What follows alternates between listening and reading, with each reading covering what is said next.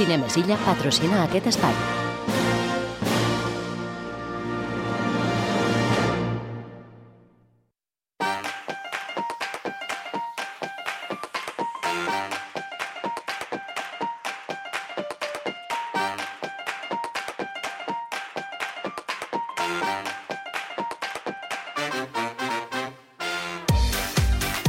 No sé si al cinema o posar-me a ballar, eh, amb aquesta música, ja us ho dic ara.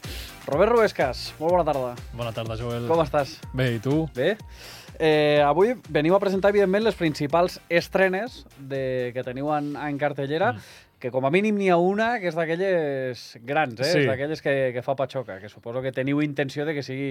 Bueno, esperem que tingui una bona recepció. Estem parlant d'una franquícia que ja portava uns quants anys eh, descansant, però bé, al final ja ho sabem, no? Tot el que ha tingut èxit torna. Estem parlant de los Juegos del Hambre, balada de pájaros, cantores i, i serpientes, que sona tal que així.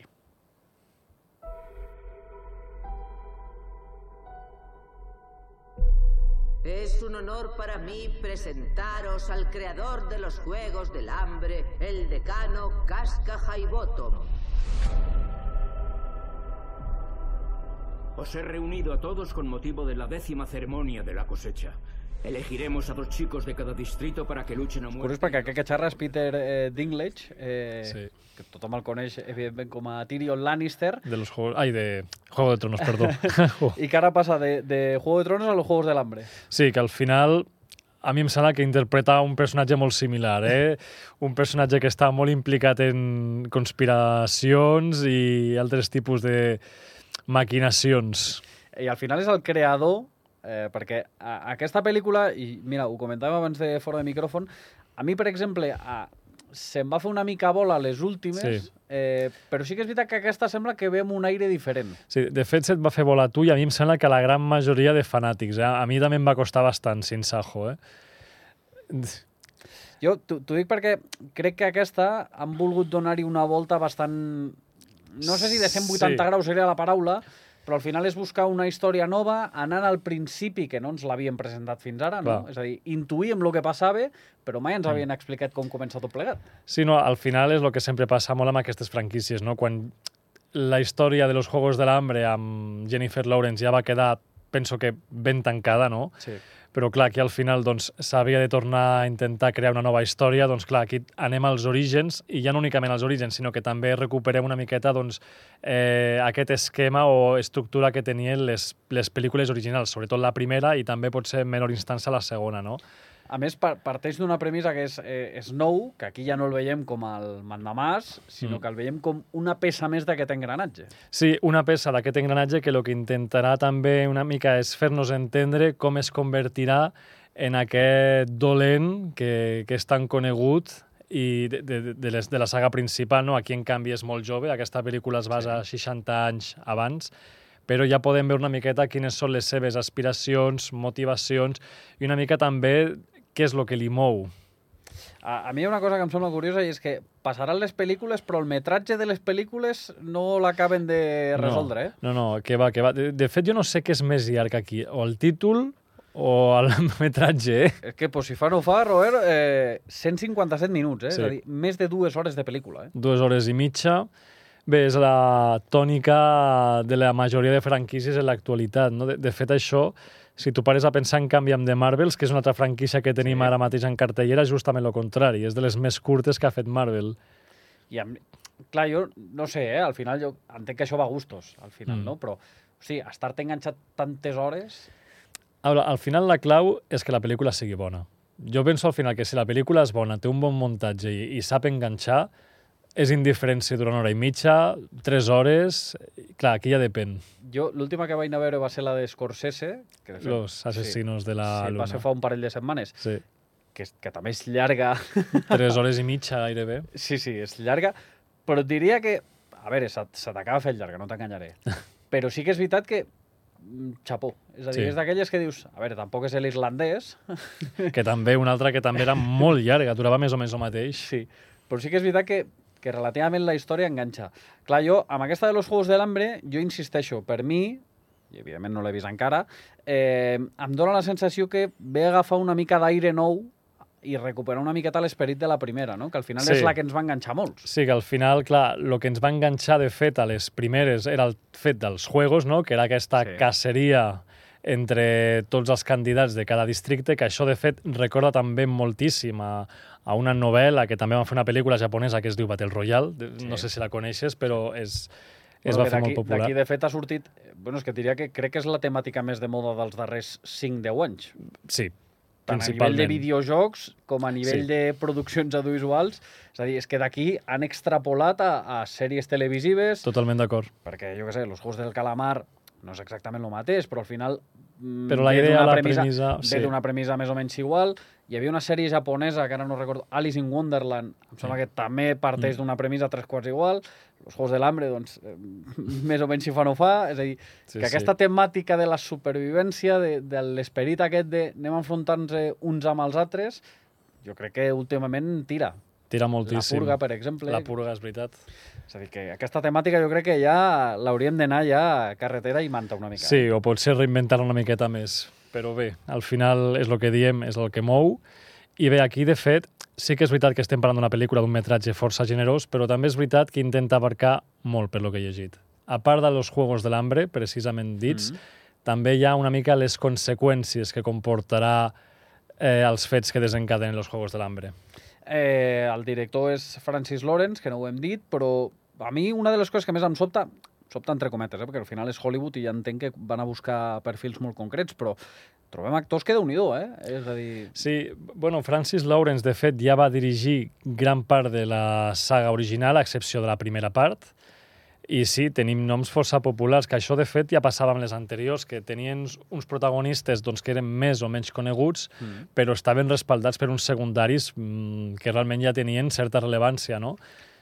Més que et dic, o sigui, per tenir a Viola Davis eh, com Viola a secundària, Davis, de, sí, déu nhi sí. eh? Viola Davis, Peter Dinklage, estem parlant d'actors que ja tenen, que són secundaris de luxe. Aquesta tònica ja la tenien les originals amb actors com Julian Moore, Sí. Philip Seymour Hoffman o Woody Harrelson. I bé, Donna Sutherland, que era el que feia de Snow. Doncs eh, em sembla, una... ja et dic, dintre de que, per exemple, les últimes em va fer una mica bola, aquesta et diria que potser sí que, Sí. sí que acaba de cridar, no? I, bueno, i, i al final suposo que és una de les grans apostes que vosaltres també feu. Podríem dir que és la, la gran aposta d'aquesta setmana.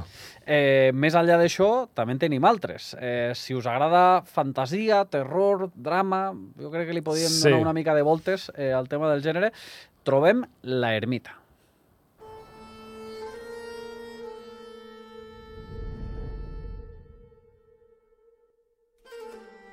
Nada de móviles. ¿Así? ¿Y qué puede pasar? Nada bueno. No voy a poder hacerlo sola.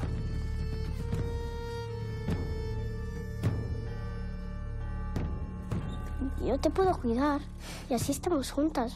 Ya, pero es que ese no es tu trabajo. Ayúdame, por favor. Tu mamá me prometió que me enseñaría a ser medium. ¿Qué coño te metió mi madre en la cabeza? Cuando alguien está muy triste, imagina cosas. Ja escoltar una veu d'una nena i parlar de mèdium ja són dos conceptes... Que a tu ja et fan una a mi, miqueta... A mi ja t'avanço que no seria de les pel·lícules que vagi a veure a Cinemes i ja Carlemany. Home, jo en canvi, veus, et diria que se li ha de donar un vot de confiança. Sí? Sí. Sí, en aquest cas perquè ve d'una directora que es va fer molt popular l'any passat Cerdita. per Cerdita, que pel·lícula que jo almenys recomano moltíssim. Que és una, és una pel·lícula, i em corregirà si m'equivoco, que partia com una sèrie B, no? Et diria. Sí. O no estava dintre del radar, evidentment. No, no, eh, curiosament, Carlota Pereda, que és la, la Sí. directora d'aquestes dues pel·lícules, és una noia que va començar fent curtmetratges, anuncis de televisió, i bé, Cerdita al principi era un curtmetratge que finalment el, el va convertir en pel·lícula. I jugava moltíssim amb la crítica social, el terror rural, però jo trobo que és una pel·lícula que dins de, de, del seu limitadíssim pressupost, una pel·lícula que jugava molt amb, amb el gènere de Sí. terror, fantàstic. Aquí, doncs, torna a fer el mateix, però, clar, ja ho fa d'una forma molt més eh, adulta, cuidada, bueno, més formal, no? Per així, aquí es nota que hi ha més pressupost, també ja tenim a una Belén Rueda que respalda Sí. el projecte. Sí, ja és una altra història. Sí, però que al final n'hi han moltes idees que jo penso que són molt interessants i que jo penso que, que és una directora que dins d'aquest gènere doncs, pot aportar moltíssim. Bueno, i que s'està fent entre cometes lloc, no? A, Sí. a cops de colze, allò de dir... Bueno, ja s'està guanyant una certa fama, no? Com a, Sí, com a sí. directora de gènere. Tal qual, i a més aquí doncs, eh, juga molt amb, amb el folklore de basc, que això doncs, sempre té un, un punt que pot ser molt, molt interessant. Sí, entre Galícia i el País Basc, eh, el tema del terror eh, entra, eh? Entra molt bé. Amb el tema de les meigas, ara escoltàvem el tema de, de Medium també. Jo, jo crec que potser, no sé si tu coincideixes, eh, però potser no inflar tant com Cerdita, en el sentit de... No. És que jo crec que Cerdita està, està molt ben feta. Sí. Eh, I mira que jo no sóc gaire fan eh, del terror, ja t'ho dic ara, però jo sóc bastant cagat amb això.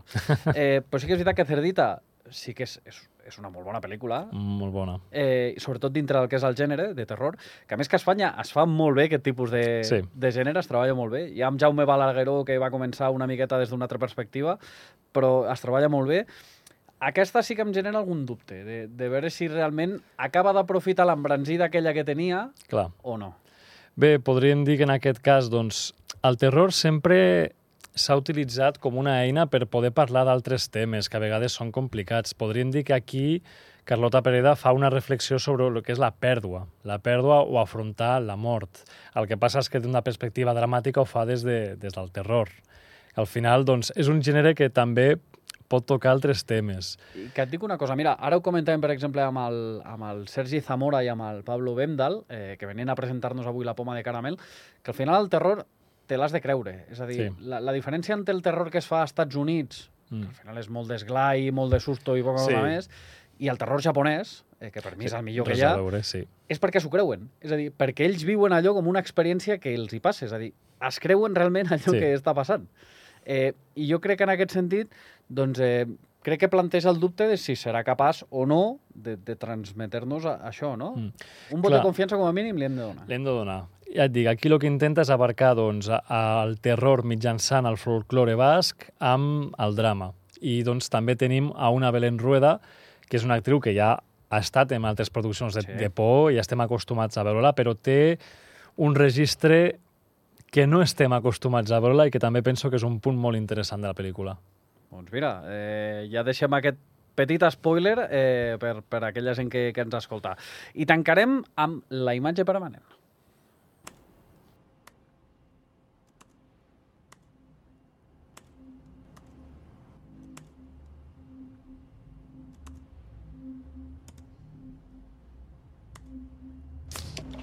T'has adonat que hi ha dos tipus de cares? Hi ha els que semblen ocells i els que semblen gossos. ¿Qué haces? ¿Qué haces? Hola, Hola, ¿tengo algo en la cara? pues su cara me interesa. Tens una cara trista, ¿Mi cara te interesa? Què vol dir? que podria haver qualsevol persona amagada allà. Ja us dic ara, eh, no per salvar-ho, eh, que ja veus tu que a mi no em pague, no em pague res la, Laura Ferrés, que és la directora, però no li fa justícia escoltar-ho només per ràdio, No. a després si heu vist el tràiler, eh, diguem, amb, amb imatge, eh? perquè jo he vist el tràiler amb imatge i sí que és veritat que la perspectiva és molt diferent.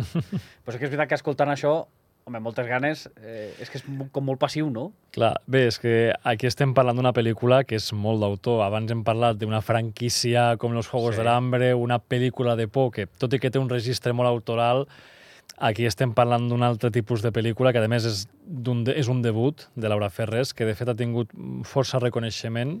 Mm Va tenir la premiera al Festival de Locarno i també ha tingut força reconeixement i premis al Festival de Seminci, que es va celebrar fa un parell de setmanes. Sí.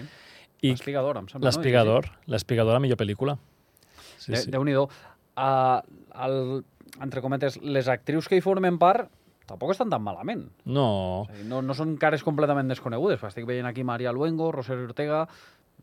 No són tampoc comple o sigui, completament desconegudes. No, no, no, no ho són. I, i clar, tracta, tracta molt el tema de les relacions interpersonals entre dues dones. En aquest cas, una dona que sembla ser que el seu perfil encaixa amb una noia adolescent que va desaparèixer fa 50 anys, que es retroba amb una publicista que el que està buscant és gent, eh, perquè és directora de, de, de càstings, per i està buscant a gent per poder fer un anunci, llavors troba en ella una figura doncs, especial Sí. i a partir d'allà doncs, neix una relació eh, molt atípica i, de fet, no... una altra cosa que és molt curiosa és que tot això es desenvolupa en un entorn molt rural que, de fet, és un altre gènere que, a, que a, el que és el, el país veí a Espanya doncs, han tocat moltíssim els últims dos o tres anys amb produccions com el Carràs, Sí. Alves, Asbestes, i és veritat que el to no té absolutament res a veure, però sembla que hi ha una, una tendència ara a, aquest, a fer aquest tipus de cinema rural, inclús Cerdita el podríem englobar dins d'aquest estil. Sí, Sí, sí. Home, a, a, em sembla curiós, eh? Perquè, bueno, pri primera que celebro, òbviament, estem parlant d'un drama, Sí, sí, sí, però estem parlant d'un drama, eh, tot i que sí que és veritat que crec que fa una lectura bastant més àmplia, no?, de, de lo que és un drama o aquesta relació interpersonal que deies tu, no?, perquè Sí. al final jo crec que eh, el personatge d'Antònia, que és a, Sí. una de les protagonistes, per dir-ho així, crec que li dona un dinamisme que jo crec que fins i tot a molts eh, els pot fer una miqueta de gràcia, no?, el, el perfil de, de clar, personatge. és un perfil de personatge que potser l'hem vist cada dia o el veiem cada dia dins de la nostra societat, però no estem massa acostumats a veure-ho en pantalla gran Mm. i té un aspecte, un caràcter que podríem dir molt, molt autèntic, molt, molt genuí, I molt de poble. molt de poble i que al final es fa estimar, eh? Jo, a, em sembla curiós, eh? per fer una mica més de sinopsi, en un poble del sur, eh, que és això que apuntava el Robert, eh, l'Antònia, que és una mare adolescent, desapareix a meitat d'una nit. I 50 anys més tard, i molts quilòmetres més al nord, Sí, ca- cap al Prat de Llobregat. exacte, doncs eh, la Carme, que és una directora de càsting doncs, més aviat introvertida, doncs es troba segurament amb un perfil diametralment oposat al Sí. que és ella. No? I al final és veure com es complementen a, aquestes dues dones Sí, no? des d'un punt de vista així una miqueta, una miqueta diferent. Són tres propostes ben diferents les que porteu aquesta setmana, eh? Mm. Sí, no, al final és, eh, intentem abarcar una miqueta tots els públics amb tot el que podem jo penso que és una cartellera prou interessant que es complementa amb tot el que tenim. So sobretot que jo crec que es- està ampliada, diguem, a tothom, eh? És a dir, aquí ningú Sí. té excusa perquè tothom trobarà alguna cosa que li agradi. Sí, no, i a més que també faig l'incís que el, la imatge permanent a ser una pel·lícula de parla catalana que barreja també amb el castellà doncs té un preu molt més econòmic, que és el de 4 euros, que penso que al final Mira, és una molt bona excusa per també veure un altre tipus de cinema del que no estem tan acostumats. evidentment, eh? I que també reivindiquem el cinema una miqueta més d'autor i no tant Sí. les supergrans produccions. Ojo que dic això jo, que avui vaig a veure Marvel, que segurament sigui la, la franquícia per excel·lència que, que tenim actualment, eh? eh? Perquè, de fet, Marvels continua i continuen d'altres propostes Sí. que, que encara teniu, eh? Que encara, que encara funcionen. Eh, Robert, no sé si ens queda alguna cosa més per, per dir o que vulguis destacar.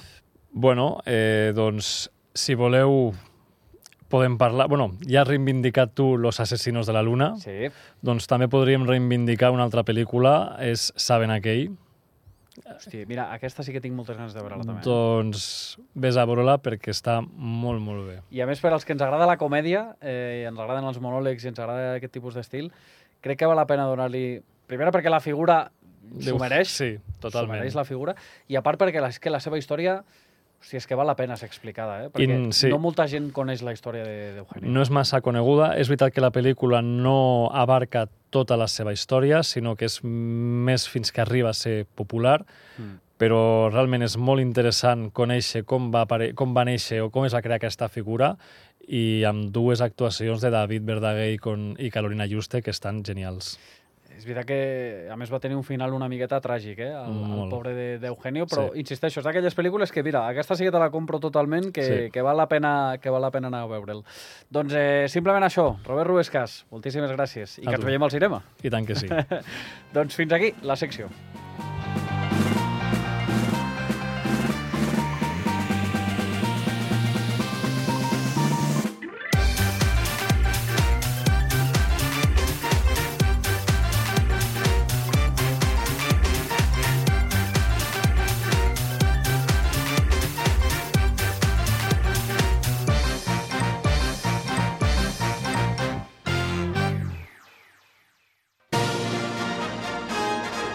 Cinemesilla ha patrocinat aquest espai.